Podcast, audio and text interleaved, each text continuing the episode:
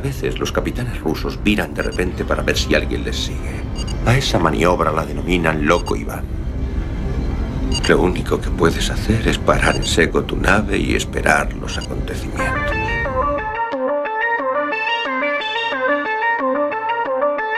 Yamasphere 347 of Space Patrol calling unidentified ship. Good night,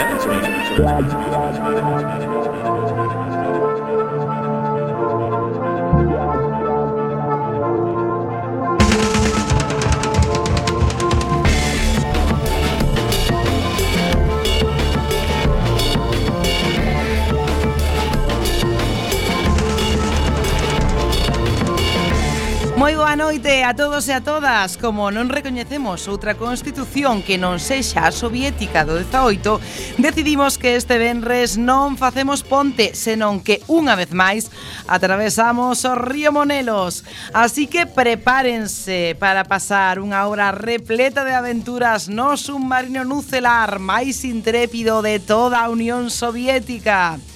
Esta noite falaremos de hackers, de como alcanzar a auténtica mitiquez a través das sombras da rede, da espionaxe nos tempos de internet. Teremos música, noticias, o noso relato habitual e entrevista, esta vez cun compañeiro de Cuac FM, experto en software libre e mítico en xeral. Todo isto non sería posible, xa o saben, sen o señor Bugalov na sala de máquinas sacando o brillo aos torpedos. O camarada Lameloz. Boa noite, camaradas. Xefa de cociña Birnaren está preparando a cea do Nadal, eh, do Nadal eh, soviético. Aquí estou hackeando un marmitaco, o sea que adiante. Tovarixes Mendrellev. Boa noite a todas. E Beosca, que tal esta semana? Moi ben, hackeando que xerundio. Sauda vos a capitana Esbletana Ibarruri, isto é Loco Iván, comezamos. Comezamos.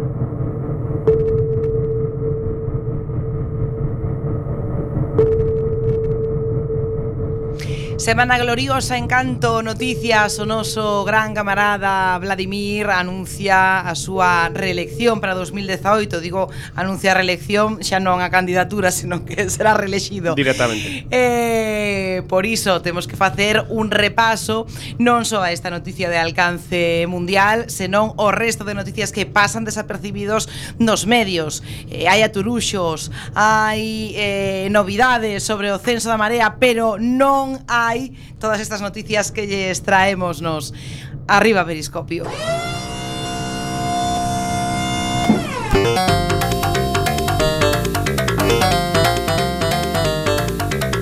Quack FM Loco Iván. Periscopio. Riot Civil Unrest, por fin acceso anticipado un xogo que realmente mola. A traducción do título sería como Revolta, disturbios civís e indica por onde van os tiros. Trátase dun videoxogo que leva en desenvolvemento dende 2013 e trata sobre as liortas nas rúas de diferentes movimentos pois polos dereitos que, bueno, que están roubando nos países capitalistas por non ter un sistema comunista como o noso. Concretamente representa o movimento indignado español, o movimento Notaf en Italia, a batalla de Keratea en Grecia e a revolución da Praza Tair en Egipto. E que hai que facer? Pois lia la parda na rúa como ten que ser, porque se trata dun simulador de liortas onde cada personaxe pode actuar dun xeito impredecible en función da situación. Un estilo retro, o obxectivo do videoxogo vai máis aló que de superar as liortas no mesmo, e a intención é de difundir as eh, loitas dos movimentos sociais de todo o mundo. Este mércores hai un ante, en acceso anticipado, dicir que podes pagar antes de que este rematado. Volve He-Man. ¡Yuhu! ¡Viva! para a alegría da nosa capitana e o resto da tripulación. Volve unha das series de debuxos animados máis coñecidas dos anos 80, Masters ¿Sí? of Universe con Human, Skeletor e demais personaxes que tiveron a súa orixe nunha colección de xoguetes bonecosos. Que ti... Eh, mm, por onde estamos? Ah, vale, sí. Ante o éxito dos dibujos animados fixeron unha película horripilante eh, por Dolph eh, Lundgren Non, non sé era, si... era boísima, e eh, punto. No, no, horripilante, aquí pon horripilante. Eh, Pero eu... irónico, é eh, un horripilante irónico iso. Horripilantísima. Eh, Agora Sony quer recuperar esta licencia eh, e negocian con David eh, Goyer o responsable de Blade Trinity. Esa sí que era mala. Mm, Pois eh, esta vai a ser boa eh, como anterior.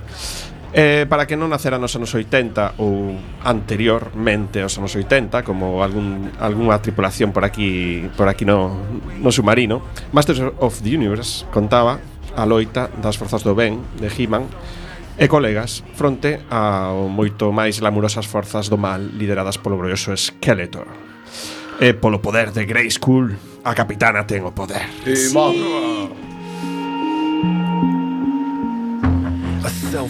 Pois nada, que Netflix prepara unha nova serie Cyberpunk.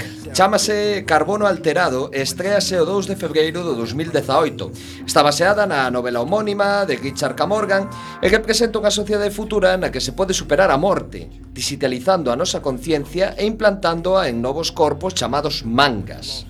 Eso non lle gusta nada aquí o Tovarich Lamenov. Manga está nada horrible, o manga prohibición. Manga pastelera. O protagonista é un soldado chamado Takeshi Kovacs, sempre que son soldados nunca son panadeiros, os héroes de Cyberpunk, eu non, non entendo isto, que foi devolto á vida para investigar un asasinato.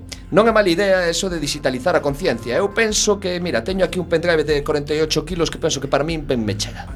survives if it's slain. I am rest in peace if you aim. No, I am not built up. O episodio 2 dos Pilares da Terra chega en cinco días na máis, o 13 de decembro. Trátase dun videoxogo sobre o libro homónimo de Ken Follett que retrata con fidelidade o universo creado polo coñecido escritor. O estudio creador é Didalic Entertainment e se texe o primeiro episodio terás acceso ao segundo sen pagar nin un sextercio máis. O título é A semente do vento e o seu deseñador Matt Kempke di que neste capítulo pretende acelerar e continuar a historia dramática madura e emocional que comezou no primeiro libro. E teremos unha influencia sen precedentes na historia, chegando a decidir quen vive e quen morre que é o que fai a capitana na súa cotidianidade. O videoxogo completo sae para Linux, Windows e Mac por 29,99 denarios o 13 de decembro. YouTube prepara o lanzamento dunha nova plataforma de música en streaming. E o mundo da transmisión de música ten o protagonismo de xigantes como Spotify, e, bueno, esa outra empresa que non me apetece lembrar agora. Todo parece indicar que YouTube quere aproveitar a súa posición no sector de vídeo para non perder a súa cota no sector da música. Tendo en conta que YouTube xa ten unha aplicación YouTube Music e Google tamén ten o seu propio servicio de música en streaming, eh, Google Play Music, este é un movimento bastante curioso. Internamente en Google refírense a este proxecto como Remix, pero haberá que esperar a súa estrea para ver en marzo de 2018 para ver que tal, bueno, que, que detalles ten, que tal sai. Eras fan dos libros Escolle a túa propia aventura? Pois estás de Noraboa, A, a infancia durante os gloriosos anos 80 transcorría entre películas de Star Wars, os Goonies e os libros de Escolle a túa propia aventura. Estes pequeños librinos vermellos que tantos bons momentos nos fixeron pasar. E si, sí, Netflix acaba de rescatar a idea para a súa plataforma interactiva, na que serán as propias espectadoras as que decidan o que vai sucedendo na trama sobre a marcha. E máis, Netflix xa fixo probas piloto interactivas con O Gato con Botas e Buddy Thunderstruck eh, con un resultado máis que satisfactorio. Agora tocalle o turno ao público adulto. A produción disto non ten pinta de ser barata, pero merece a pena innovar e ofrecer novos produtos. Netflix non quere quedarse atrás. Nothing. Steve Jackson Games e Cemón traballan en Munchkin, o xogo de mesa. Munchkin! Bravo, Munchkin. Sí, matemos xentes, eh? A pesar das súas innumerables versións e expansións, o popular xogo Munchkin de Steve Jackson nunca tivera unha adaptación seria aos xogos de mesa. Iso vai cambiar porque Steve Jackson Games asinou eh, un acordo con Cool Mine or Not para adaptar o universo de Munchkin a unha serie de xogos de mesa. Sen coñecer moitos detalles, o primeiro xogo sairá no outono do ano que ven, ainda queda un pouquiño. Ainda que está sen confirmar o anuncio de Cool Mine or Not, parece implicar certas cousas, como que se manterá fiel ao seu estilo audio, visual distintivo do artista John Kovalik, ilustrador da maioría das entregas da serie, dende o seu debut en 2001. Xa choveu.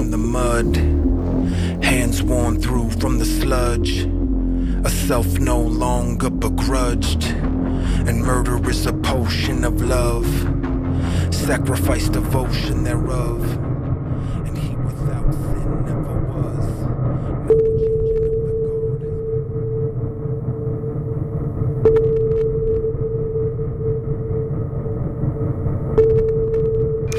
Seguimos a travesía polo río Monelos o señor Bugalov está aí co Ceremín. Eh, é o seu momento da noite, o seu momento estelar no que nos presenta unha tonada. Eh, Pois hoxe vou falar de música electrónica.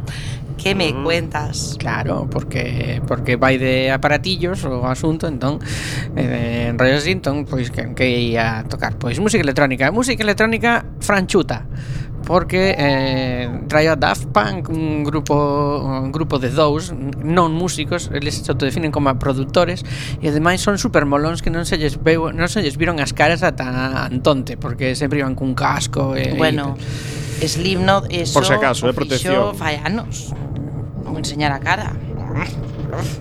Pues, a ver o sea Logo cando se viu a cara tiña explicación o asunto, ¿no? pero o, tampouco hai que meterse con a xente así claro. gratuitamente como, non vamos como a acabamos de facer. De valor. Claro, eh, o caso é que eh, aínda que en disco son bastante máis frío que en directo, sí que é certo que mm, bueno, teñen un, un pase para alguén eh, a quen, que, que non somos aquí moi fans da música electrónica, nos gustan no. máis as guitarras pesadas, pero pero está ben, eh, recomendo encarecidamente o, unha grabación en directo que fixeron no ano 2007 en París que mm, mm, se escoitas o disco completo pois eh, comprendes moito mellor estes avatares da música electrónica. A menear o bullarengue Música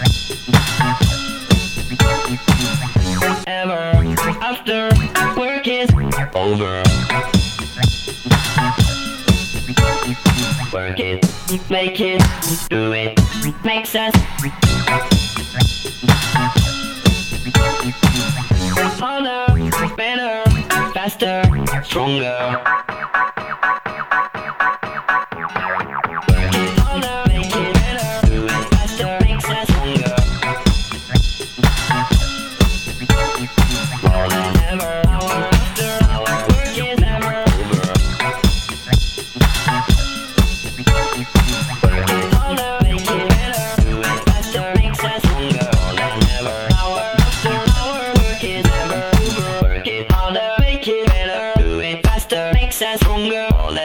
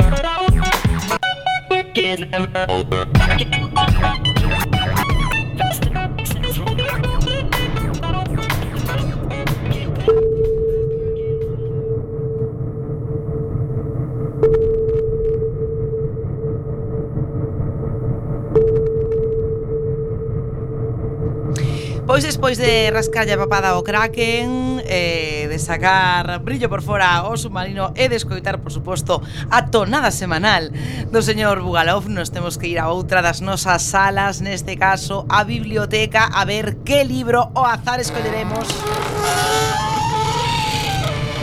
Vai pasar o ano Eh, e non, non se arranxa esa, a, esa porta. Que sendo metálica non sei como pode soar así, pero bueno, eh, son misterios do submarino, o que ten un submarino soviético. Eh, señores Mendeleev, como as, en, en ocasións non está atento aos meus designios, quero que nos diga mm, por tres mini puntos que libro vamos escoller hoxe da biblioteca e que misteriosamente, seguramente, atrevo a dicir que vai falar de hackers ou algo así. Bueno, pois é un relato longo novela curta que se chama Cando os admindesis, os administradores de sistemas, gobernaron a Terra, que é de un ex administrador de sistemas e escritor canadiense chamado Cory Doctorow. Vai, en serio, chamase Doctorow, non, non, non o vimos de inventar, non? Non, podo. E bueno, pois nada, é un blogger canadiense, xornalista, escritor de ciencia ficción, gañou unha chea de premios, entre eles o canadiense Starbust, foi nomeado para os Hugo's Nebula, no 2000 gañou o premio John W. Campbell o mellor novelista Nobel de ciencia ficción. E, e ademais que... é un tipo dos que nos mola, non? Eh, Porque sí, un activista. É un activista, este este como nós, este da, da República Soviética de Canadá bueno, será como usted, como yo, hai pocas personas. É eh, un activista a favor da liberalización das leis de dereitos de autor, defensor de organización Creative Commons, da que aquí sempre falamos moito. Eh, algúns temas comuns no seu traballo incluen a xestión de dereitos digitais, o intercambio de ficheiros e a economía post-escasez, ou sea, unha economía que non chegará. Eh, vamos a ler coa interpretación desta gloriosa tripulación Eh, Birnaren superarse de novo Estamos seguros de que pode vir aquí a súa, a súa interpretación maestra eh, Vamos alá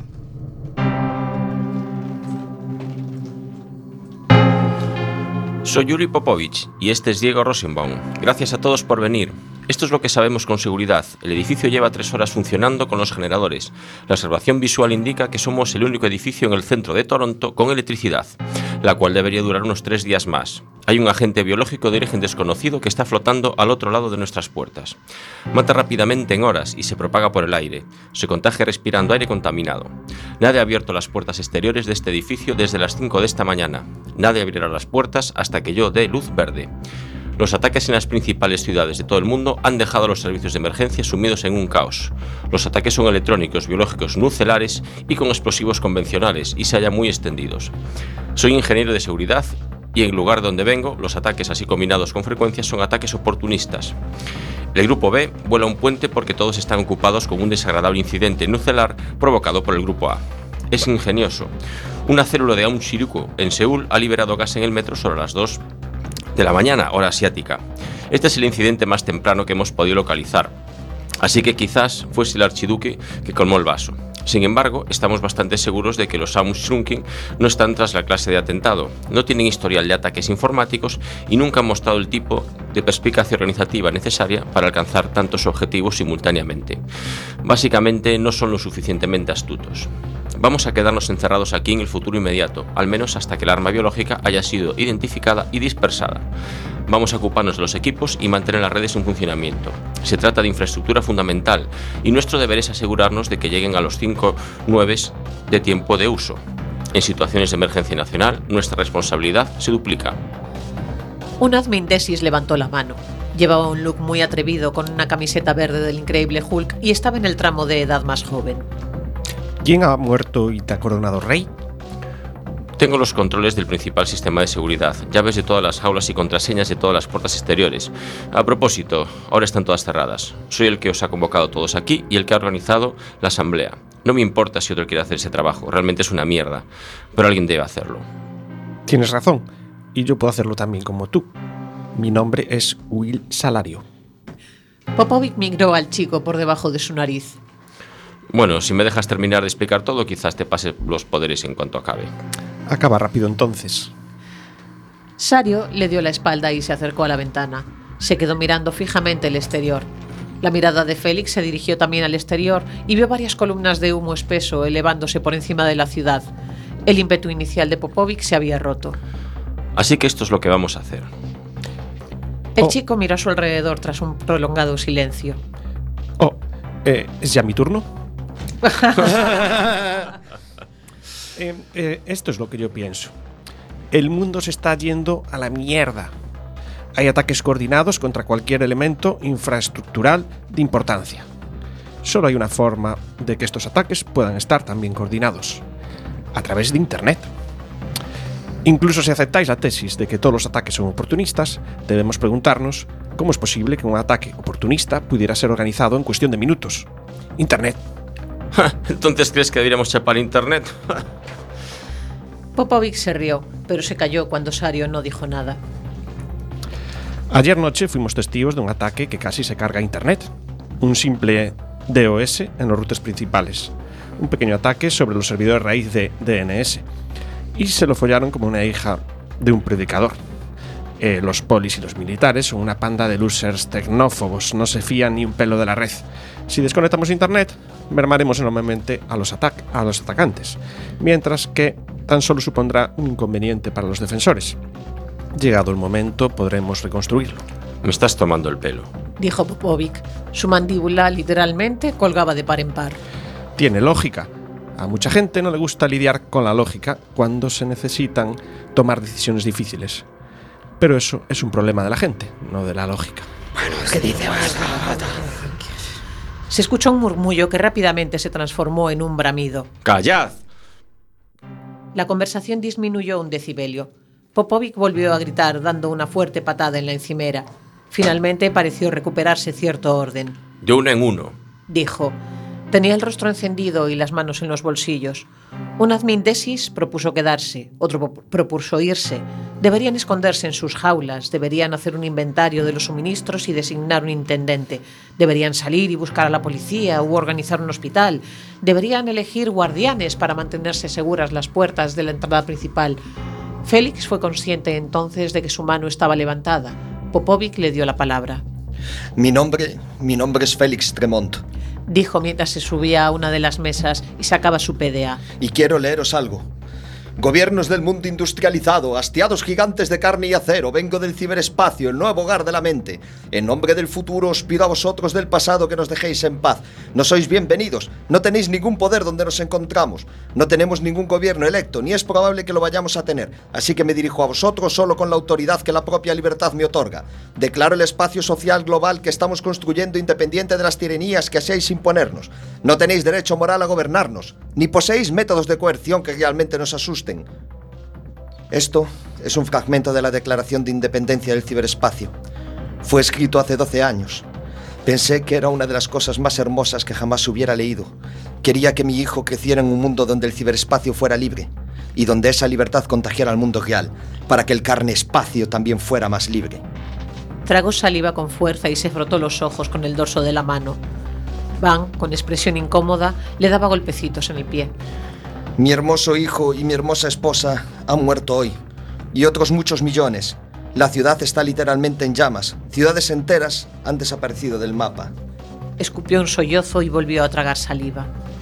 Por todo el mundo, gente como nosotros está reunida en edificios como este. Estaban intentando recuperarse del gusano de ayer noche cuando ocurrió el desastre. Tenemos suministro autónomo de energía, comida, agua. Tenemos la red, que los chicos malos usan también y que los chicos buenos desconocen por completo. Pero también tenemos un amor compartido por la libertad, que procede de nuestra preocupación por y para la red. Estamos a cargo de la herramienta organizativa y gubernamental más importante que el mundo jamás haya tenido. Somos lo más parecido a un gobierno que haya sobrevivido. Ginebra es un cráter. El East Greiber está en llamas y la ONU ha sido evacuada. La República distribuida del ciberespacio ha sobrevivido a esta tormenta prácticamente intacta. Somos los guardianes de una inmortal, monstruosa y maravillosa máquina con el poder de que construir un mundo mejor. No me queda ninguna otra razón para vivir más que esa. Van tenía lágrimas en los ojos. No era el único. No le aplaudieron, pero hicieron algo mejor. Guardaron un absoluto y respetuoso silencio durante segundos que se prolongaron hasta un minuto. ¿Cómo lo hacemos? Dijo Popovic sin el más mínimo atisbo de sarcasmo.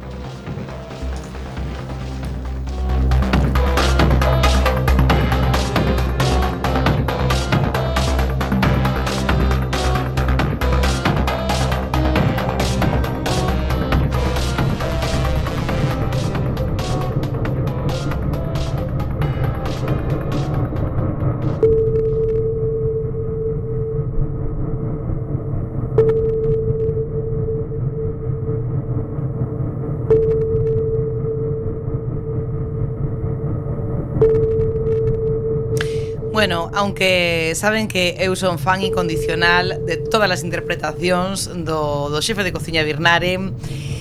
Esta xornada hai que dar un aplauso medido e curto, iso sí, ao camaradas Vendrellev. Un aplauso medido e curto, un aplauso. No, ti non te podes aplaudir a ti mesmo, Esmendrellev, entendes?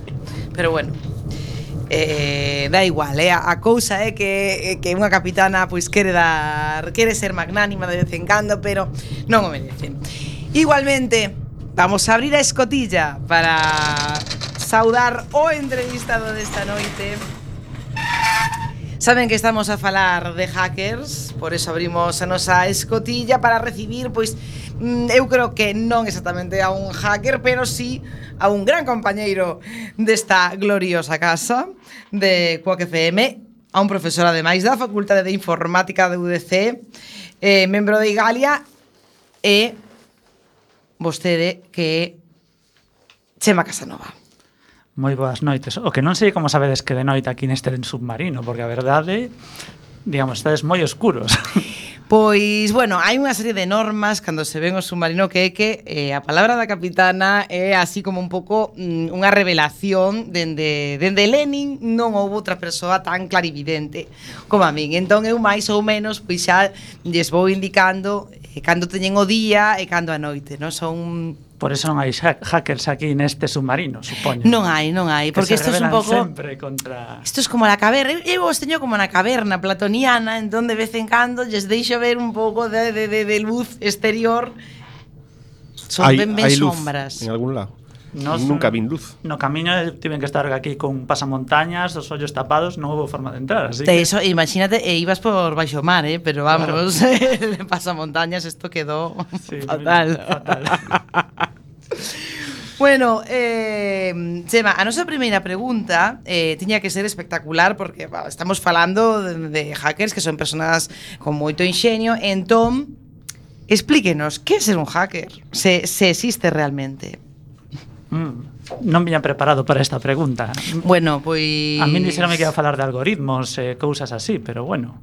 Bueno, Vostede, o que vostede vexa, eh, pero... Unha primeira aproximación a que podería ser un hacker, non? Pois, a ver, eh, eu tal como vexo, basicamente, unha persoa que disfruta programando. Simplemente. Bueno. Que pasa? Que Pierde xente. así como algo de épica, eh, perdona que Perde épica, que, claro. se, que no se fondo, comente. o que sería un hacker é unha persoa que fai hacking, que pois normalmente ten que ver co desenvolvemento de programas, eh, buscar solucións orixinais e imaginativas para solucionar problemas. Pode ser no ámbito da informática ou noutros ámbitos. O sea que realmente, dende o meu descoñecemento, porque a veces a capitana hai cousas que non domina do todo, eh. Anda. Bueno, ya, ya. Eu, eu non quería discutir iso aquí, este submarino, porque Ya. Eso que quere que eh, pensemos. Ah, Así. Digo eu. Entón, eh, eh, vou aquí a seguinte pregunta, importantísima pregunta, moi ben fiada hai moita lenda ao redor entón ou, ou no imaginario colectivo do que nos creemos que un hacker, porque un hacker nos creemos que é así como te, te, eu me imagino con cara como de Keanu Reeves, unha cousa así. Bueno, que eu, eu veño da escola do que consideramos que os hackers son persoas que lle gusta desenvolver software ou programas ou solucionar problemas, non?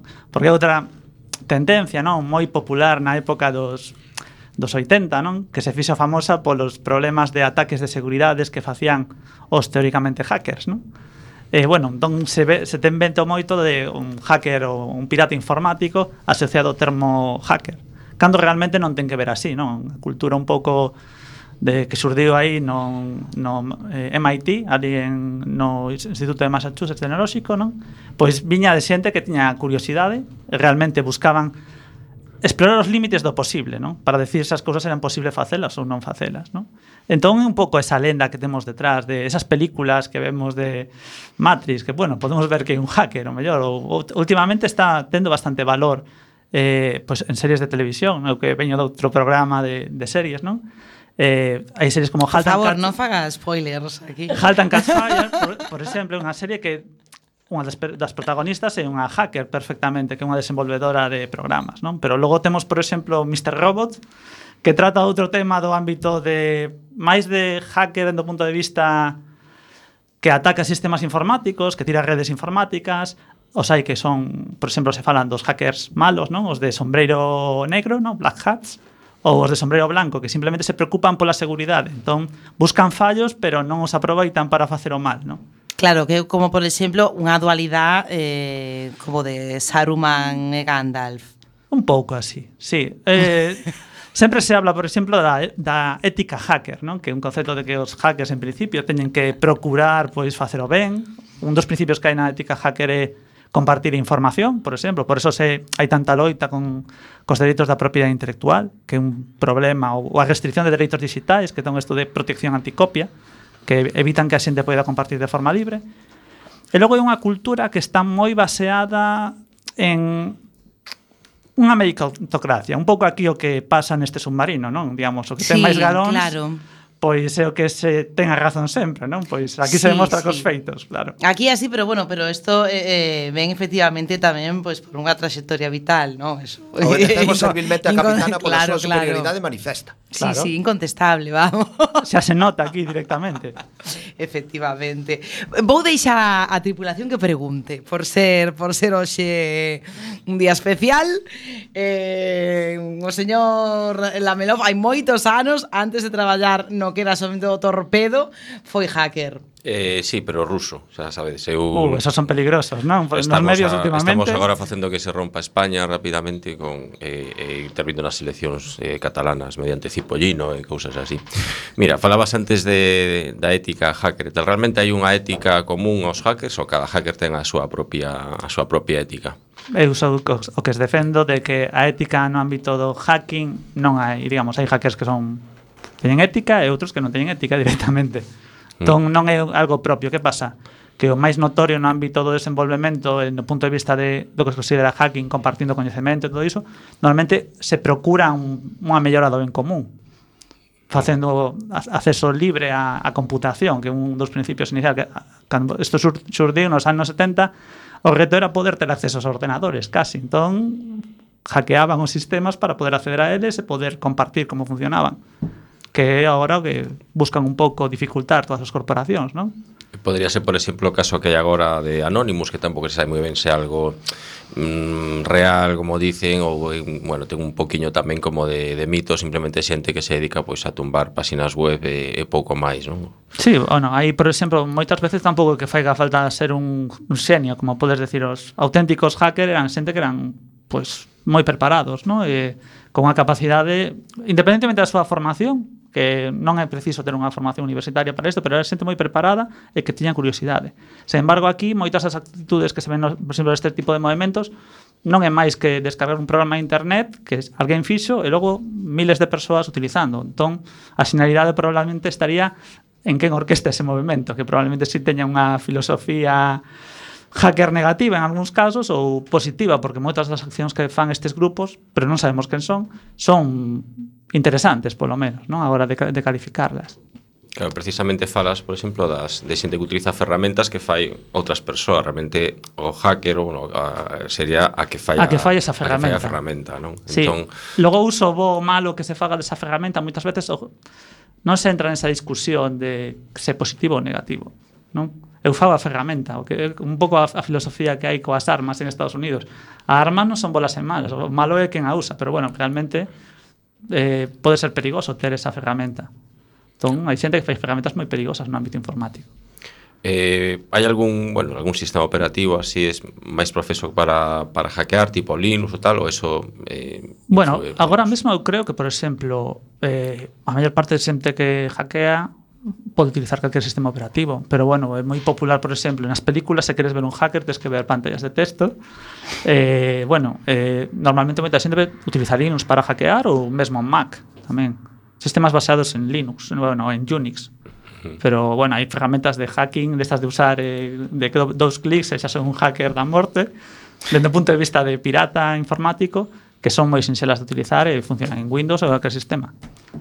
Eh, andan os, os gobernos en busca de hackers para contratar en ciberseguridade e todos esos mitos que, que existen por aí que, que andan buscando a toda esta xente para, bueno, para o seu propio uso. Mm. Sí, eso realmente é unha cousa que fai falta, porque xa estamos vendo, por exemplo, tanto os gobernos como as corporacións A ver, a ver, había alguén que dicía que a única forma de ter un ordenador seguro non era telo encerrado nunha caixa forte, desconectado da rede, desconectado de internet e, e, e apagado. E ainda así, non podería ninguén asegurar que ese sistema informático é seguro, non? porque realmente hoxe en día como a información que se topa nos ordenadores é, é moito é facilmente accesible porque A ver, eu, eu xa teño visto vídeos de como alguén pode ver a pantalla do teu ordenador que non está conectado a internet e ao mellor unha distancia de de, pues, de 800 metros ou algo así, simplemente porque pola emisión que falla o teu monitor a hora de visualizala, non? Por eso se ven esa paranoia sempre, moitas veces nos eh, equipos militares protegidos con plomo para que as radiacións que están aí non saian, non? Entón, eh, é peligroso realmente o, o fácil que é acceder a nosa información. Mm. A típica cinta que se pon no, no, nos portátiles, nas eh, cámaras. Bueno, só sí, porque xa eh, é fácil que a xente te está nun trollano, pero bueno, moitas veces hai o problema máis que acceso informático, un pouco ingeniería social, non? Porque alguén che manda un correo electrónico, ti o coñeces, executa un programa que aproveita un oco de seguridade que te ordena, ten o teu sistema operativo, normalmente Windows, e a partir de aí hai alguén que toma control do teu ordenador. Entón pode facer o que queira. Chema, Eh, como inda que non facemos sí. spoilers sabes que nos gusta moito as series, as películas e sempre falamos eh, delas inda que xa antes falabas de, de Mr. Robot pero antes de marchar faganos eh, unha recomendación de algunha serie, de algunha película que vostede diga, joder, pues, eh, pues, pues que hackers máis apuestos aí en esta aquí A ver, eu se teño que recomendar unha peli un pouco máis que... A ver, Mr. Robot fai un concepto de hacking, así que, bueno, as cosas que pasan na pantalla máis ou menos parecen ata creíbles, non? Entón, está bastante ben feita e incluso os sistemas operativos ten bastante... Fixeron un, un reportaxe sobre que, como utilizaban e como crean as pantallas. Pero como historia un pouco de creación, eh, eu creo que Halt and Cashfire é unha, unha serie moi boa para ver un pouco a historia de, de informática, como eran eses hackers desenvolvedores do principio que buscaban compartir cousas. O, o en día internet, eh, Linux, eh, varias cousas que hoxe en día usamos día a día de, debido a estes internet mesmo e gracias a estes hackers que hai moitos anos empezaron a pensar ideas locas e compartir información. Bueno, pois pues, Chema Casanova, moitísimas gracias. Mm, vamos eh, mm, deixar, non lle vamos poñer todavía o pasamontañas porque agora vamos coa inmersión, entón por se si acaso vostede lle xurdira algunha idea que non pode ser mellor nunca que esta capitana, pero pode quedar para, para participar neste debate que nos creamos agora. Moitas gracias Moitas por gracias para acollar e non me lancedes no torpedo Como outras veces fixetes con outros invitados. Bueno, bueno xa veremos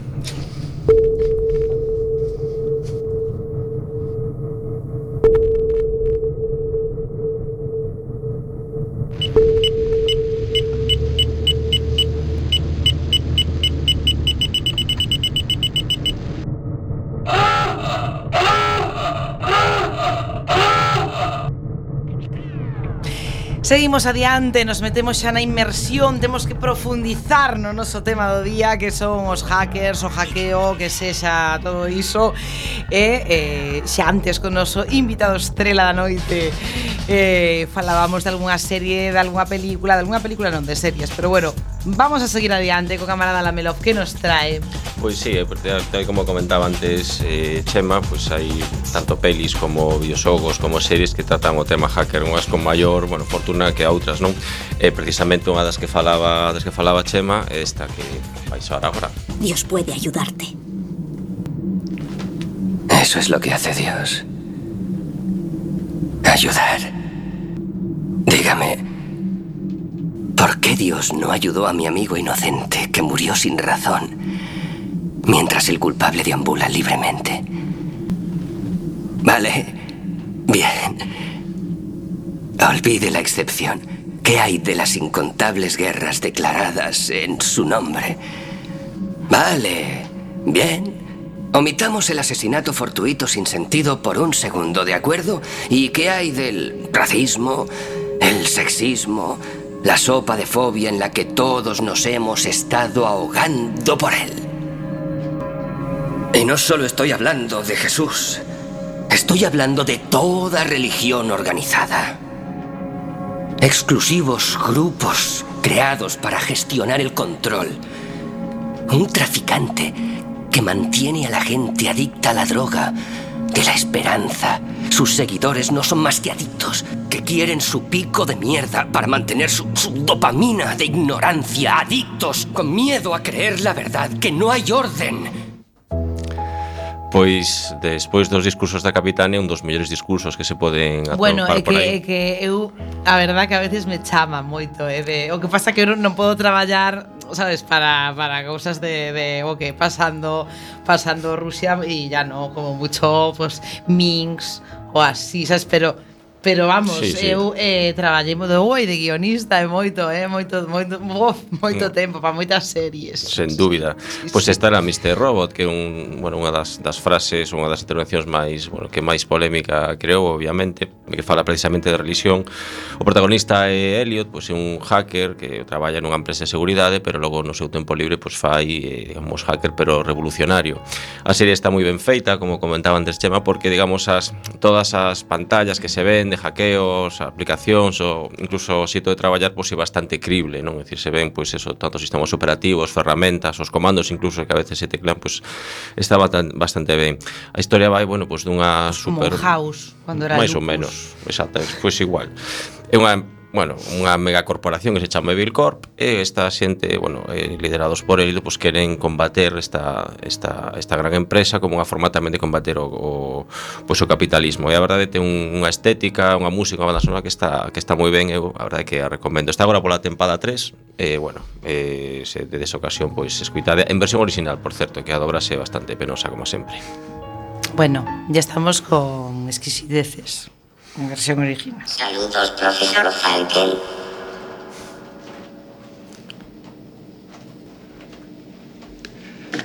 Hola, Joshua. Extraño juego. El único movimiento para ganar es no jugar. Pois esta é unha mítica película dos 80 que seguramente recordaredes que Xogos de Guerra, Wargames, que protagonizada por Matthew Broderick. Matthew Broderick. Sí. ¿Qué ha sido de ese chico? Non sabemos, que, a verdade que non sei que anda agora, estará con Paloma Braia probablemente, ou, ou cos pecos, por aí andará. Bueno, dirixida por John Batman no ano 83. En, en tu cara me suena. Seguro. Tiña este rollo tamén do, do, do hacker que entra no Pentágono e tal, pero claro, o tema de programación ou cosas que se podían ver no ordenador era totalmente increíbles, porque de feito falaba xogaba coa computadora nun xeito que era, bueno, xa daquela imas, eh, hoxe serías de ciencia ficción daquela aínda máis, non? Chema Casanova, que está aí, mm, que, re, que recordos lle trae Matthew Broderick? O sea, Matthew Broderick, non, senón War Games.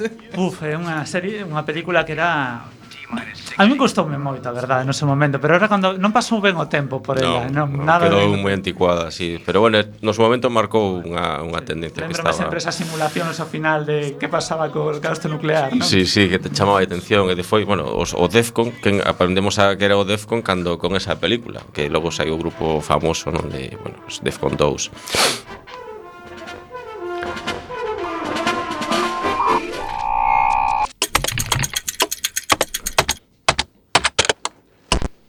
It's a far cry from the days of file cabinets and phone books.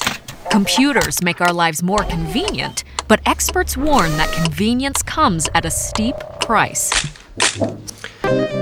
Bueno, este eh, quería deixalo para final é un videoxogo de, de hacker Hai moitos videoxogos no que se trata o tema do hackeo De que se traten directamente de xogos de hackear Pois está, por exemplo, o Uplink Pero este chamase Quadrilateral Cowboy Que foi unha das revelacións que saiu no ano 2016 no que, bueno, traballas en primeira persoa, ti, bueno, pues, representas a un hacker que ten un sistema do, dos, dos anos 80, pues, con 256 megas e un modem de 56K, e tes que dirixir un grupo de axentes, eh, facilitarles a súa labor de obter eh, documentación. Eh, o ver que Bodio Xogo ten unha particularidade que para hackear tes que facer comandos de verdade de hackeo para poder entrar nos sistemas, abrir portas, desmantelar alarmas e tal. Eh, recomendo porque está está moi ben, é moi original e moi moi adictivo.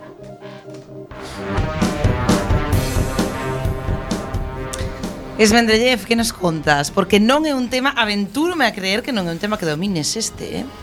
Eu o tema literario como in, IMM intelectual claro. moderno de merda sempre o domino. E polo tanto teño algo que dicir Tens sobre, algo que sobre dicir? hackers informáticos na literatura. Dios santo. Compañero Bugalov. Buenos días. Es hora de levantarse.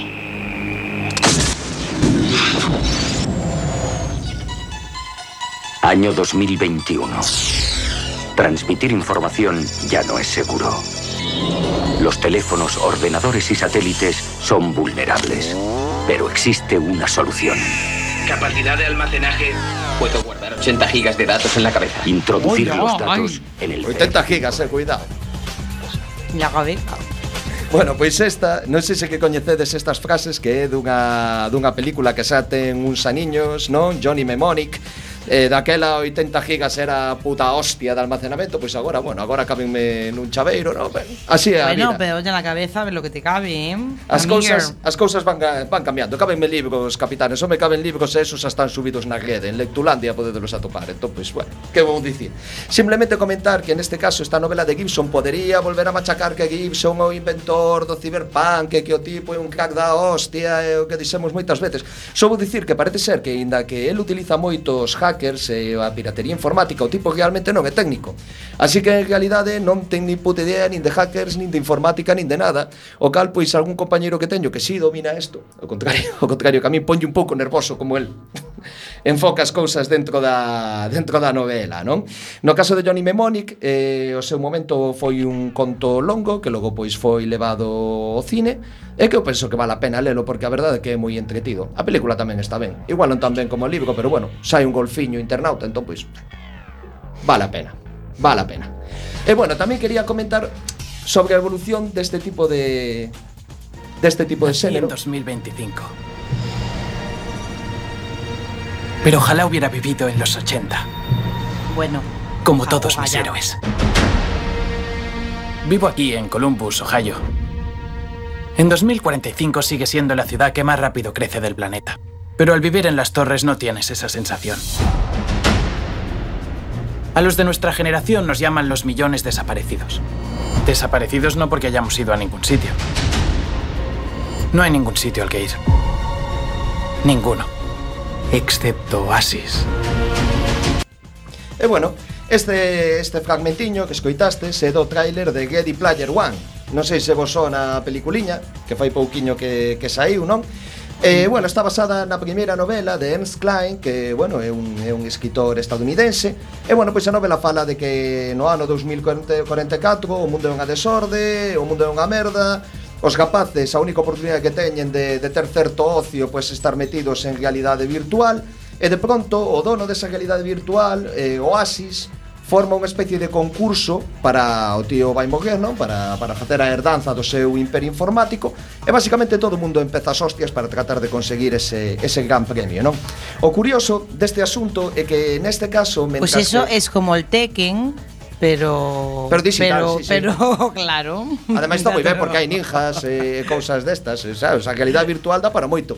Pero o que quería sinalar é o curioso que na mentres que Ian Gibson falaba do futuro, hai unha volta de torca curiosa porque es Klein fala do pasado. O sea, esta noveliña realmente non eu non a chamaría ni ciencia ficción, porque do que fale de todas as fricadas que nos molaban os tíos que sábamos un pouco viejuners, non? Que estamos así por 30, 40, pois pues falache da Atari, dos videoxogos do ano diciendo? da polca, de, bueno, bueno, eu falo dos que dos que somos así, os que son inmortais selficamente como a vostede capitana, non es están verdad? metidos dentro desto. E bueno, pois eso, que é un pouco como Yo de joven. bueno, pois eso, na, nada máis, que parece que en lugar de falar do futuro, esta noveliña máis ben fala da nostalgia do pasado. E con isto voulle dar paso ao seguinte. O seguinte que eh, é Birnarem. Aquí estamos. Que novedad, que novedades nos traes? Pois a ver, a ver que soa por aí. A ver se si sabedes que é isto.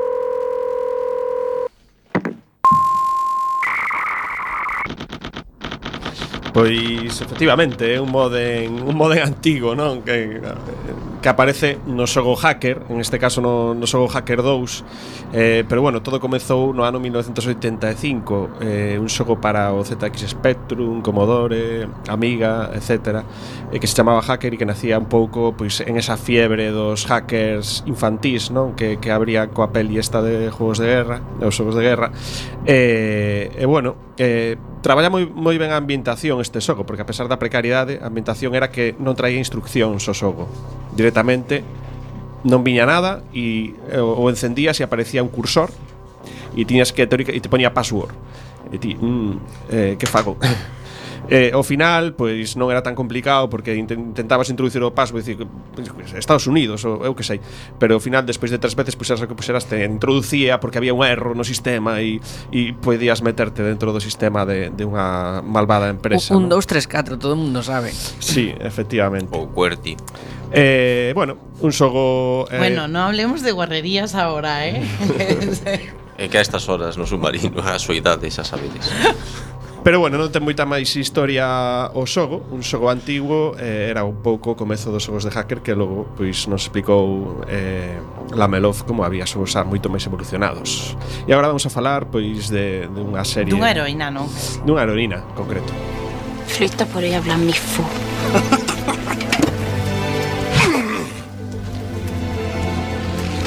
era dar máis tomar, polo que se ve, non? Eh, estamos falando de Lisbeth Salander Non sei se vos soa ou coñecedes hasta... Que estaba Eu de maior das... quero ser ela Pois pues estaba probando unha das túas recetas, polo que parece ¿no? eh, sí, bueno, efectivamente Non estaban probando outros Tamén que tiña diante Depende, en outros Sudamérica lle chaman Lisbeth Salario como Salario. como teu como o teu personaxe.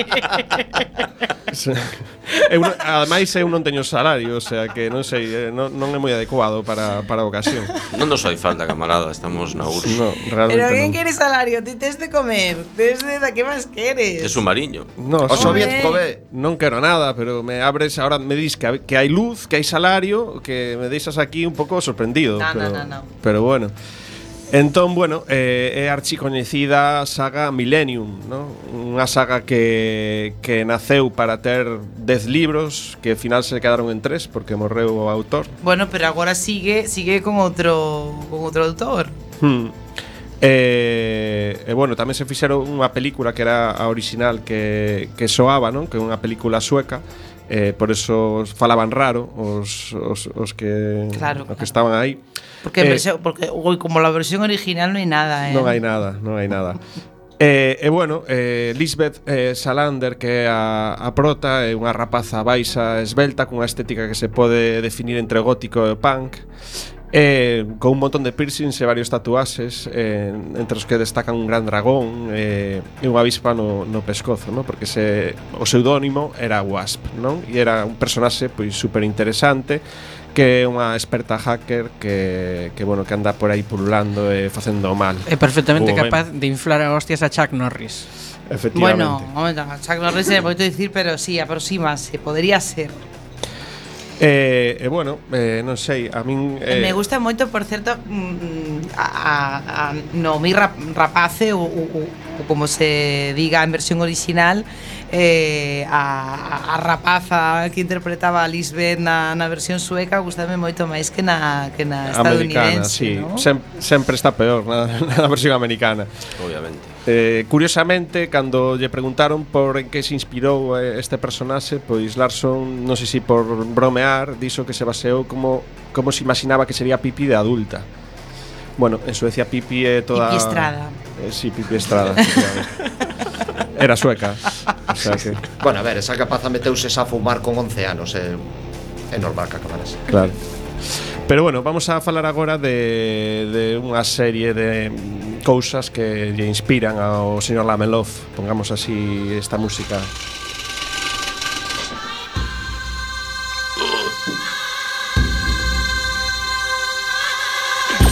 Está potando. Gendingar Pois efectivamente, estamos falando de un manga, un manga xaponés do ano 1989, Está Ghost potir. in the Shell. Sí, o pobre non sabe o que bo. Está moi Potter, eh? Deixao, xa lle prepararei un caldiño, pobre. Eh, pois este manga eh, Pois eso, foi do ano 89 Tivo dúas películas tamén de animación eh, Posteriores Eh, E logo unha película de dubioso gusto de protagonista Scarlett Johansson. E a acción transcurre en un futuro hipertecnolóxico durante o século XXI Espero que espero que fose a finais do século XXI Porque agora eh, como que non se dá isto que, que narra aquí E o personaxe eh, principal se chama Puppet Master eh, que, que, bueno, que é un, al, alguén que, que persiguen que se dedica a mm, apropiarse de corpos de corpos humanos, ¿no? Pues como la capitana. E que como me apropio de corpos humanos, hai que acabar o programa, que xa agora... Bueno, que o pase moi ben, que jaquen o que poidan, a quen poidan. Bueno, a ver, eh, que non fagan de nada delictivo, eh, pero que se xa moi felices, que beban vodka con moderación, eh, que sean, que aproveiten a fin de semana, que senón que queden en casa, que vean unha serie, que escoiten Loco Iván, que escoiten o resto dos programas de Cuac, Loco Iván primeiro. Eh, nada, que se sean moi felices, eh, eh, que os queremos moito.